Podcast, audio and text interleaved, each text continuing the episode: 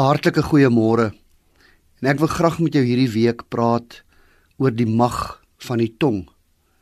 In Jakobus 3, die eerste 12 verse word dit baie mooi beskryf deur die skrywer. As hy sê die tong is soos 'n klein roertjie van 'n baie groot skip wat hom stuur. Die tong word ook vergelyk met 'n vuurhoutjie, 'n klein ou vuurhoutjie wat 'n groot bos aan die brand kan steek.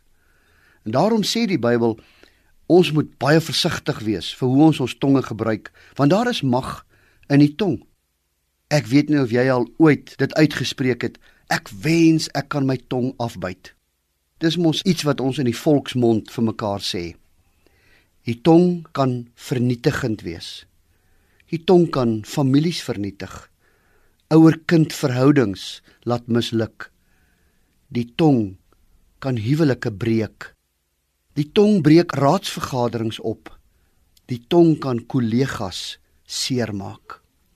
Daarom is die oproep van die skrif dat ek en jy geesvervuld sal leef en intentioneel sal kyk na wat ons sê en hoe ons dit sê. Die tong verraai wie ons is.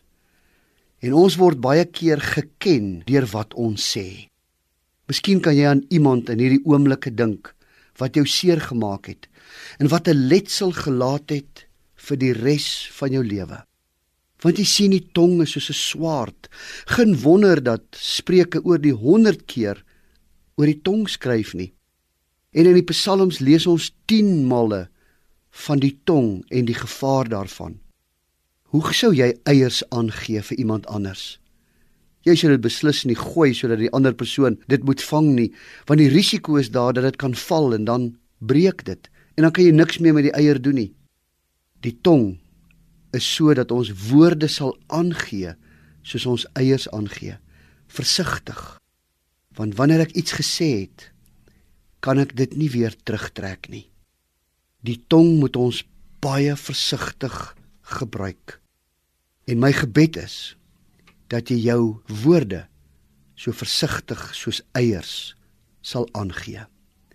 Ek bid graag saam met jou. Hemelse Vader, help ons om ons woorde versigtig te gebruik. Amen.